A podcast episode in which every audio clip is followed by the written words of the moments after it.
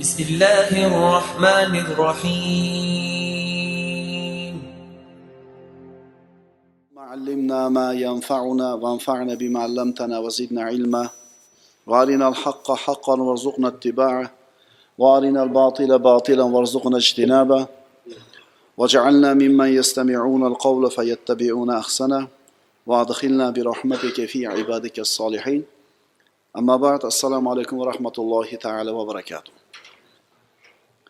Alloh subhanahu va taoloning asmol husno go'zal ismlari haqidagi navbatdagi darsimiz. Alloh taolo qur'onda marhamat qiladi. Astag'billah valillahil asmaul husna faduuhu biha. Alloh taoloning go'zal ismlari bor. Bas unga ana o'sha ismlar bilan duo qilinglar xitob qilinglar murojaat qilinglar. Bugun alloh taoloning go'zal ismlaridan as-sittir ismini dars qilamiz. As-sittir ismi payg'ambarimiz sollallohu alayhi vasallamning sahih hadislarida zikr qilingan.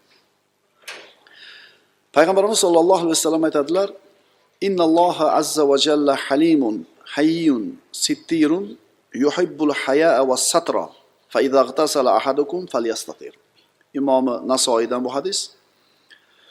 Kunlarni birida payg'ambarimiz sollallohu alayhi vasallam bir kishini ochiq joyda yalang'och holda g'usul qilayotganini ko'rdilar. Va bundan norozi bo'ldilar. So'ngra minbarga ko'tarilib mana shu hadisini aytdilar. Albatta alloh taolo halim hayi va sittirdir. Hayoni va satrni yaxshi ko'radi.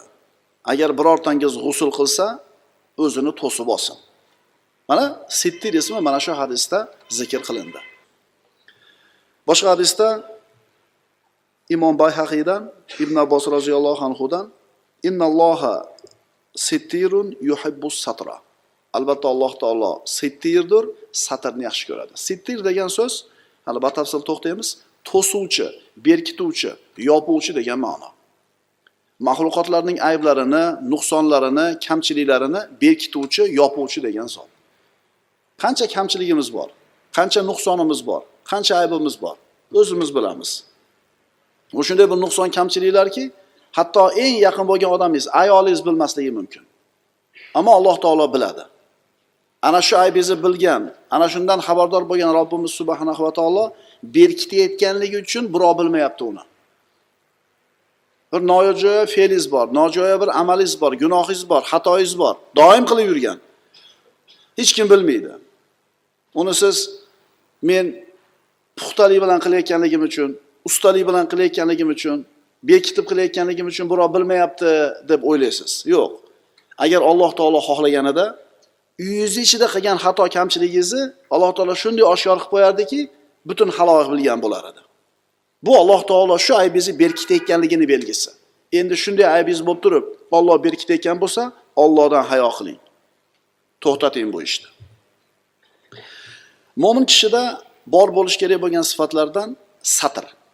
Ya'ni o'zini xatosini kamchiligini aybini nuqsonini berkitishligi kerak.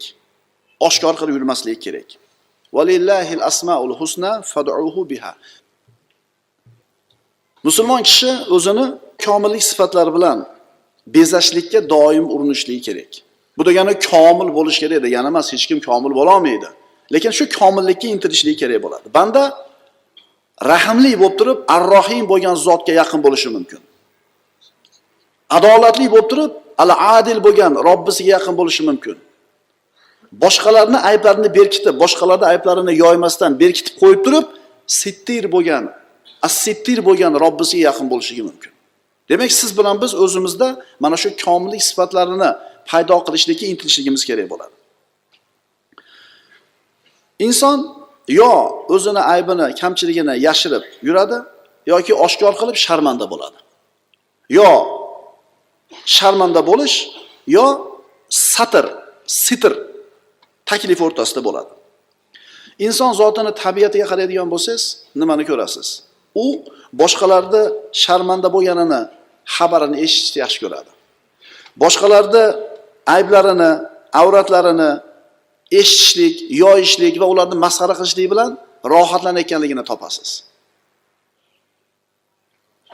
Qaysi zamonda yashamasin qaysi davrda yashamasin qaysi yurtda yashamasin bu insonda tabiatidagi bor narsa. Boshqalarda aybini nuqson kamchiligini eshitib gapirishlikni xohlaydi lekin mana shu boshqalarda aybini bilib qoldingiz yoyib yurishingiz. Birovni kamchiligidan xabardor bo'lib qoldingiz buni tarqatib yurishingiz. Haqida shariatimizda nima deyilgan? Ya'ni shunday bir kamchilikki shu kamchilikni aybda aytsangiz musulmonlarni orasida bir nojo'ya fikrlar nojo'ya tushunchalar paydo bo'ladi. Musulmonlar orasida fahsh munkar yoyiladi. Alloh taolo nima deydi bu haqida? Astag'firullah innallazina yuhibbuna an tashiyal fahishatu fil ladina amanu. Iymon keltirgan kishilar o'rtasida buzuqliklar yoyilishini istaydigan kimsalar uchun dunyoda ham oxiratda ham alamli azob bor. Siz birovni aybini bildingiz yashirib qo'yishni o'rniga. Assittir bo'lgan robbingizdan mana shu sifatidan o'ziga ulush olib uni yopib qo'ymasdan siz yoydingizmi? Sizni yoygan shu gapingiz tufayli buzuqlik yoyildimi? Alloh taolo bunday insonlarga alamli azob bor. Dunyoda ham oxiratda ham. Bilasizlar gunohlar bor alloh taolo faqat oxiratga olib qo'yadi uni jazosini. Gunohlar bor dunyoda berib qo'yadi. Yana gunohlar bor dunyoda ham beriladi oxiratda ham beriladi. Dunyoda ham oxiratda ham beriladigan gunohlar. Ota onaga oq bo'lish odamlarga zulm qilish odamlarni haqqini yeyish tuhmat bo'xton qilish. Endi ana shu. Dunyoni o'zida oladigan va oxiratda ham jazosi bor bo'lgan gunohlardan bittasi musulmonlarni orasida fahshni yoyilishligini xohlashlik. Musulmonlar orasida fahshni yoyilishiga hayotimizdan yoshlar nimani misol qilsak bo'ladi? Ana shuni. O'shani o'shani ma tirin tirin tirin qildiyu. Ijtimoiy tarmoqni prikollar birovni qoqilib ketgani birovni yiqilib tushgani birov qandaydir bir xato yo'l qo'yib qo'ygani birovni aybini xullas. Shuning uchun bir birlariga jo'natayotgan narsani qaranglar. Bu xayriyatda yoyishlikka kiradimi yoki fahsh buzuqlikni yoyishlikka kiradimi? Ko'proq qaysinisi? Demak insonni tabiati bor xohishi bor va unga yuklatilgan shariatning taklifotlari bor. Inson nimalarni xohlaydi? Uxlashni xohlaydi. Lekin shariat namoz o'qib turib deydi. Insonni xohishi tabiati nimani xohlaydi? Ishlamaslikni xohlaydi. Lekin shariat taklifot qo'yadi. Ishla bola chaqangni boq deydi. Nafsimiz nimani xohlaydi? O'yin kulgini huzur halovatni faqat bir maishatni. Lekin shariat nima qiladi? Taklifotlar qo'yadi. Insonni xohishda istaklari mayllari ichida hozirgi biz aytayotgan birovlarni ayblarini kavlash va buni yoyib yurishlik ham bor. Insonni tabiatida bor narsa bu. Endi uni tabiati birovlarni sharmandaligini uyatli holatini qidirishni gapirishni istaydi ammo shariat man qilyapti. Nafsi kusab nafsi xohlab turgan narsani qilmasligi uchun nafsini jilolab olishligi uchun kishiga mustahkam iymon kerak mustahkam iroda kerak. E eshitdingizmi deydi. Yangisini aytadi hozir. E palonchi haqida eshitdingizmi? To'xta. Menga kerakmi shu?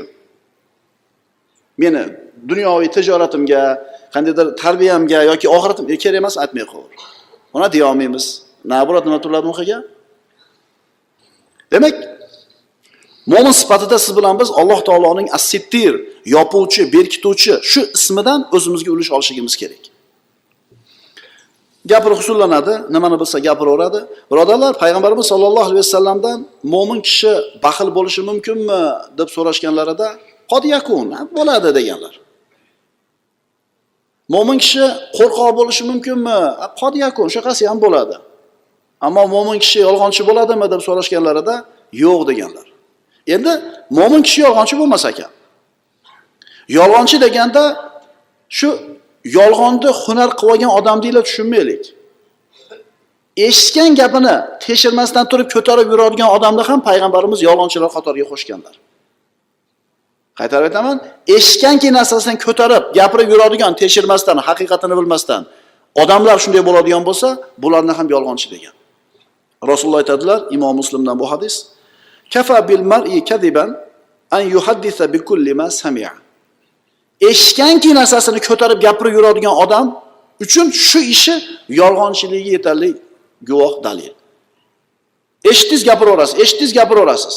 Bo'ldi yolg'onchilar qatoridasiz yana qanaqa? Palonchi aytdi deb aytsa ham o'lib ketsin. Xuddi o'zi ko'rgandek qilib aytadi mana bo'ldi deydi. Mana bo'ldi deydi. Biz o'zimiz ham deymiz. Ko'p eshitamiz. Va haligi eshitayotgan odamlar to'xta sen o'sha yerdamiding shu ish bo'lganda desangiz yo'q deydi. Unda nimaga o'zing ko'rganda aytyapsan? Deyolmaymiz. O'shuning uchun gapiraveradi agar uch to'rt marta o'shaga tanbeh bersangiz shu odam shu ishdan to'xtaydi. Ma'qulmi? Payg'ambarimiz sollallohu alayhi vasallam bizga ta'lim berganlarki bir odam bir gapni gapirib turgan bo'lsa gapirib bo'lib yoki kimnidir oyoq tovushini eshitib turib u yoq bu yoqqa qarab qo'ysa shu so'zi omonat bo'ladi. Garchi omonat sizga shu so'zim demasa ham. Rasululloh aytadilar abu dovud termiziydan bu hadis jobir ibn abdulloh roziyallohu anhu rivoyat qilgan. Agar bir kishi gapirib turib yo bu yoqqa qarab qo'ysa bas shu so'z omonat bo'ladi. Mo'min kishidagi ulug' sifatlardan bittasi u birovlarni ayblaridan xabardor bo'lib qolsa o'zi qidirmaydi. Mabodo xabardor bo'lib qolsa uni yopib qo'yadi berkitib qo'yadi. Biron marta sizda yoki menda birovda aybini ko'rib turib bilib turib yopib qo'yishlik holati bo'lganmi? O'zinglardan so'ranglar biron marta birovni aybini bitta men bildim shuni yopib qo'yganmanmi? Agar yopib qo'ygan bo'lsangiz ha degan javob topsangiz umid qiling shu amalingizdan. Ehtimol shu amalingiz jannatga olib kirib ketishiga sabab bo'lar.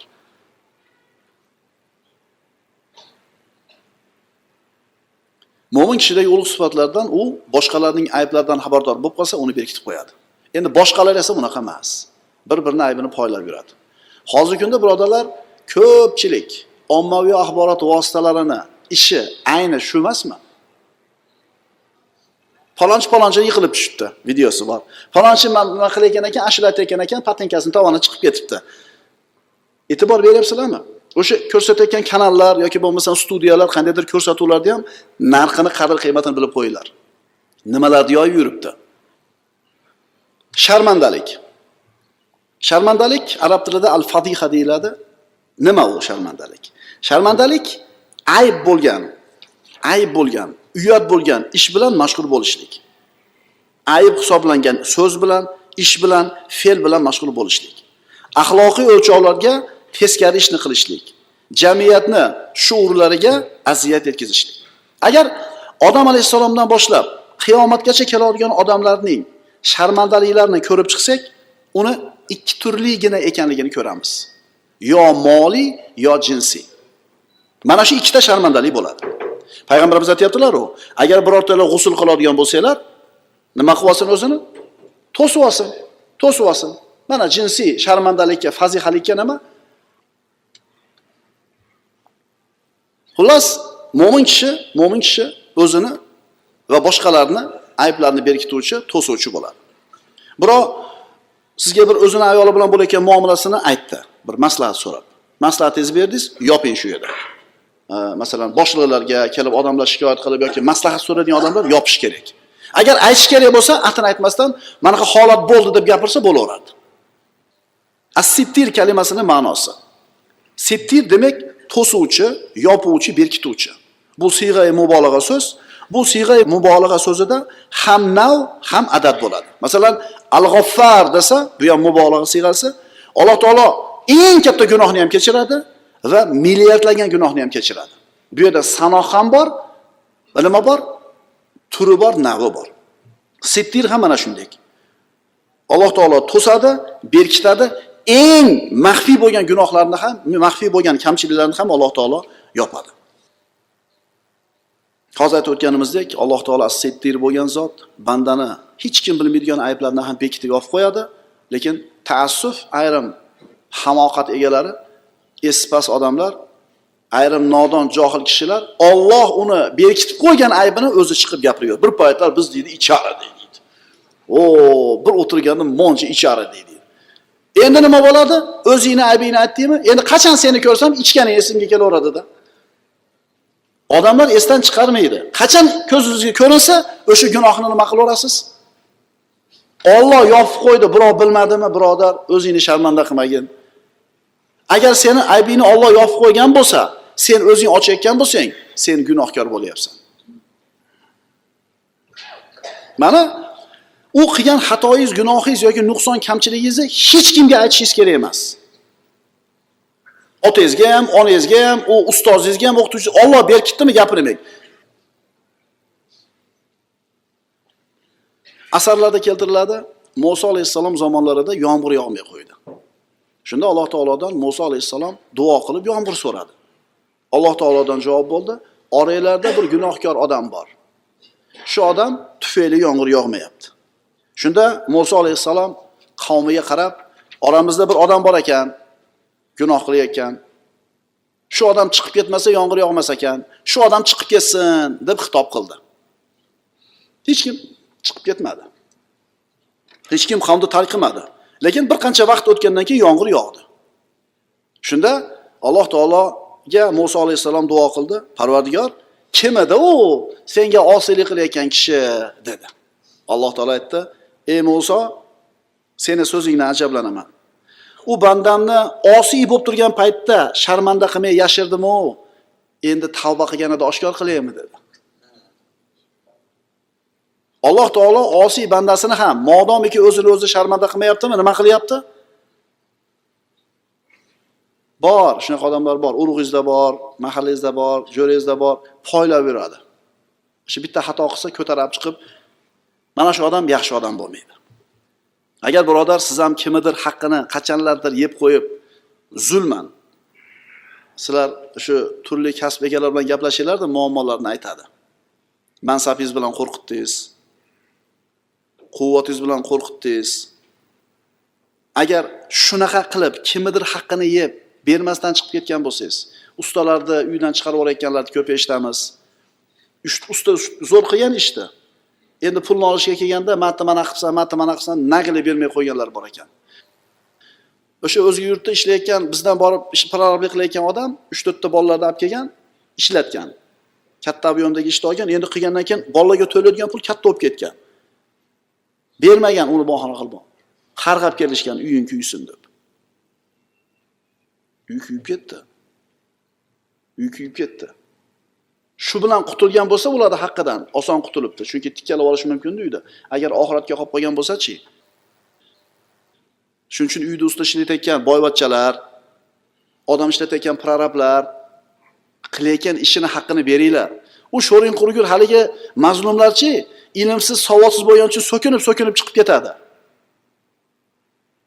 Seni ollohga qo'ydik desinda tamom bo'ladi shu odam. Olloh karim olloh avf qiladi. Namoz o'qimagan bo'lsa ro'za tutmagan bo'lsa olloh umid qilamiz. Chunki kechiruvchi bo'lgan zot alloh taolo. Ammo bandani haqqini yegan bo'lsangiz ollohga qo'ydim seni desa tamomsiz. Uzoqqa bormaysiz. Bir yil ikki yil yaxshi lekin albatta olasiz jazo. Aytdiku darsda boshida shunday gunohlar bor. Alloh taolo faqat oxiratda beradi jazosini. Shunday gunohlar bor dunyoda ham beradi. Mana shu dunyoda ham beriladigan jazodan bittasi odamlarga zulm qilishlik. Kim kimni haqqini bermay qo'ygan bo'lsa uyda usta ishlatib bir o'ylanglarda olib borib beringlar. Modomiki shu uyda yashamoqchimisiz? Shu uyda baraka topmoqchimisiz? Bering. Rasululloh nima deganlar peshonasidagi terisi qurimasdan turib ber ijaraga ishlatgan ijaraching deganlar. Demak assittir degani birinchi ma'nosi to'sish berkitish yopish. Yana bir ma'nosi uzoq qilish saqlash. Payg'ambarimiz sollallohu alayhi vasallamning zavjay mutoharalardan osha roziyallohu anhu aytadilar bir kuni meni uyimga ikkita qizini yetalab bir ayol kishi keldi va so'randi. Tilamchilik qildi. Uyda bir dona xurmo bor ekan shu bir dona xurmoni olib chiqib berdilar oysha onamiz roziyallohu anhu haligi ayol xurmoni olib ikkiga bo'ldida ikkala qo'zini qo'liga tutdi keyin chiqib ketishdi. Rasululloh huzurimga kirganlarida shu narsani zikr qildim deydilar. Shunda payg'ambarimiz sollallohu alayhi vasallam aytdilar من يلي min هذه البنات shay'an fa ahsana ilayhinna له lahu sitran minan nar. Kim mana shu qizlarni ishini ustida bo'lsa ya'ni tarbiya qilishi boqishi rioya qilishi ishida ustida bo'lib ularga chiroyli muomala qilsa ularga ehson qilsa yaxshilik qilsa shu qizlar bu kishi uchun do'zaxdan to'siq bo'ladi. Mana aytdik kunnalahu sitron minan nar. Shu kishi uchun do'zaxdan to'siq bo'ladi. As sitr degan so'zni ikkinchi ma'nosi to'siq. Birodarlar uyimizdachi yetarli ish turibdi. O ummatni g'amini qilib osmondan kelmasdan qizingizni tarbiya qiling jannatga kirishingizga shu ham kifoya qiladi. Bolalarni tarbiyasi bilan shug'ullaning qiyomatda shunga javob berasiz. Ayolingiz farzandlaringiz haqida. O'zi sigaret chekadi ummatni g'amini gapiradi. Yerga tush birodar. Jannatga olib boradigan ishlar birodarlar o'zimizni uyimizda turibdi. Uyimizni tuzatmasdan turib tashqariga chiqib gapirishlikka ozgina nima qilaylik? Insof qilaylik uyataylik. Chunki mana shu amalni o'zi bittamidi ikkitamidi uchtamidi qiz bolani tarbiya qilib oppoq yuvib tarab tarbiyalab iymon e'tiqodda taqvoda hayoda tarbiyalab balog'atga yetganda o'ziga munosib bo'lgan dindor iymonli taqvoli kishini topib nikohlab uzatar ekan shu qilgan ishi ishoninglar birodarlar. Jannatga kirishligiga kifoya amal bo'lishi mumkin. Buni va'dasini bizga rasululloh sollallohu alayhi vasallam beryaptilar. Qaranglarda uyimizda turibdi uyimizda turibdi. As satr ma'nosiga munosib bir qissa. Payg'ambarimiz sollallohu alayhi vasallam aytadilar bu hadis abu xurara roziyallohu rivoyat qiladi uni imom ahmad musnatlarida buxoriyda termiziyda keltirilgan. Man roani fil manam fasayaroni fil yaqzati va la yatamassalu shaytonu bi kim meni tushida ko'rsa uyg'oqligida ham albatta ko'radi. Chunki shayton meni suratimga kirolmaydi dedilar kim tushida payg'ambarimizni ko'rsa rostdan payg'ambarimizni ko'ribdi. Chunki shayton payg'ambarimizni suratida kirolmaydi tushimizga endi kim tushida ko'rgan bo'lsa uyg'oqligida ham ko'radi inshaalloh. Yigirmanchi asrda mana o'tgan asrda sodir bo'lgan voqea qissa. Damashq xatiblaridan biri tushida rasululloh sollallohu alayhi vasallamni ko'rdi. Rasululloh unga falonchi qo'shningga borib ayt u jannatda mening hamrohim bo'ladi dedilar.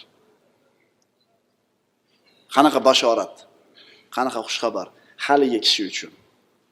Haligi xatib uyg'ondida tushidan qattiq ta'sirlandi va rasululloh aytgan haligi qo'shnisini uyiga bordi. Borib eshigini qoqdi. Haligi odam chiqdi salom alik bo'ldi. Xullas xatib aytdiki menda rasululloh sollallohu alayhi vasallamdan sizga bitta bashorat bor. Uni aytmayman. Bir amalingiz borki shu tufayli shu bashorat aytildi. Shu amalingizni aytmasangiz olloh uchun qilgan bir amalingiz bor shuni aytmasangiz bu bashoratni aytmayman dedi. Haligi qo'shni unamadi aytishlikka.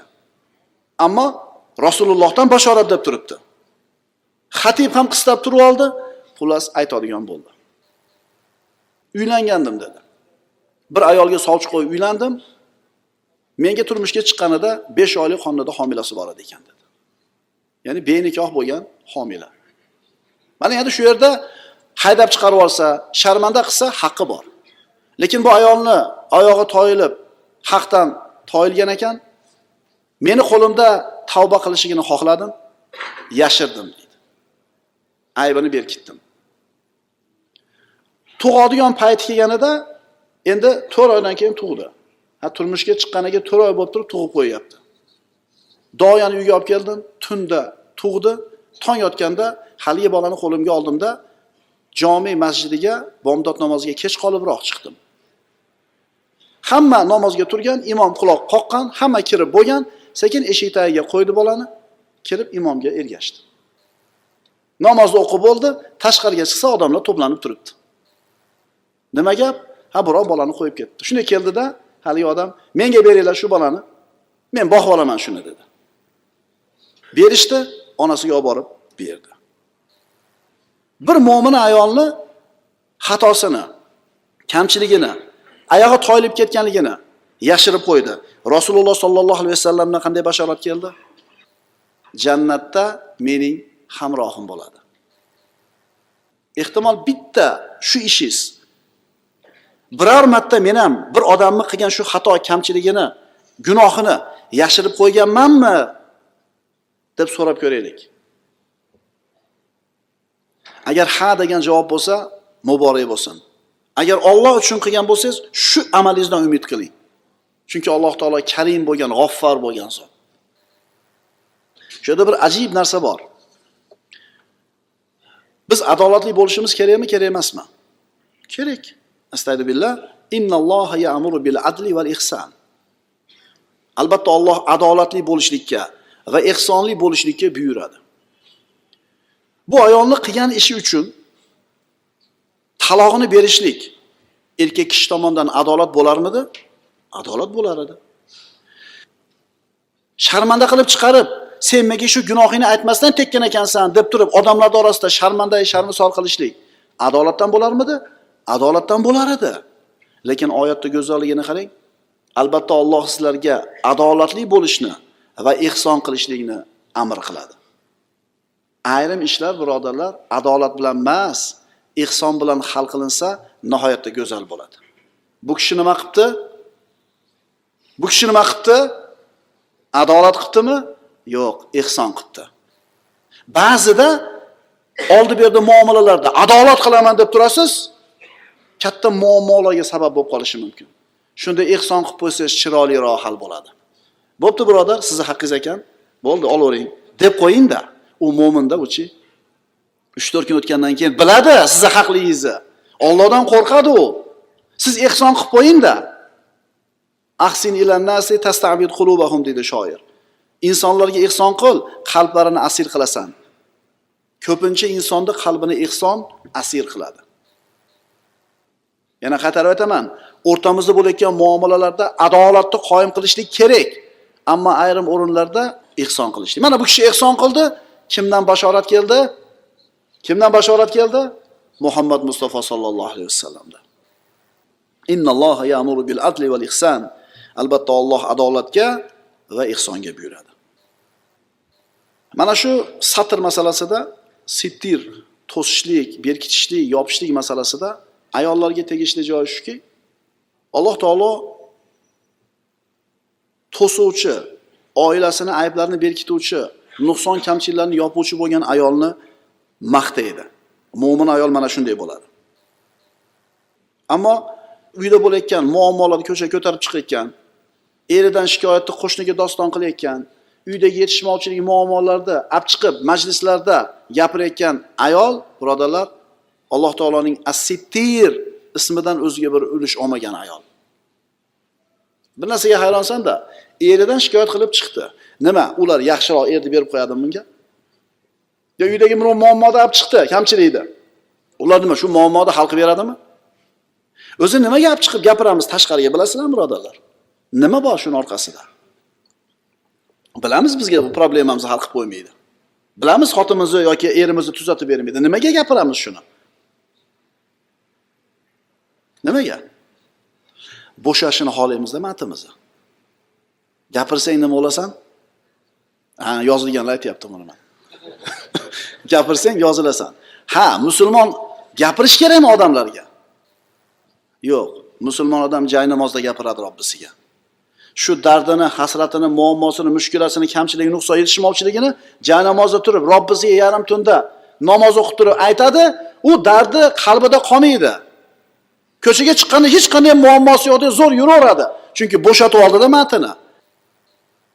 Endi Allohga qalbini bo'shata olmaydigan, Allohga murojaat qilishni bilmaydiganlar odamlarga uydagi kamchiliginiyu yetishmovchiligini doston qiladigan odamlar bo'ladi. Xulosa birodarlar, Alloh taolaning mana shu As-Sittir ismi bilan, shu sifati bilan xulqlanishimiz kerak bo'ladi. Mana shu ishimiz bilan umid qilamiz Alloh taologa yaqin bo'lishlikni. Odamlarni g'iybat qilish degani ham bu ularni sharmanda qilish degani bo'ladi. Bunday qilishlik musulmon kishiga hargiz to'g'ri kelmaydi. Aqulu qawli hada va astagfirulloh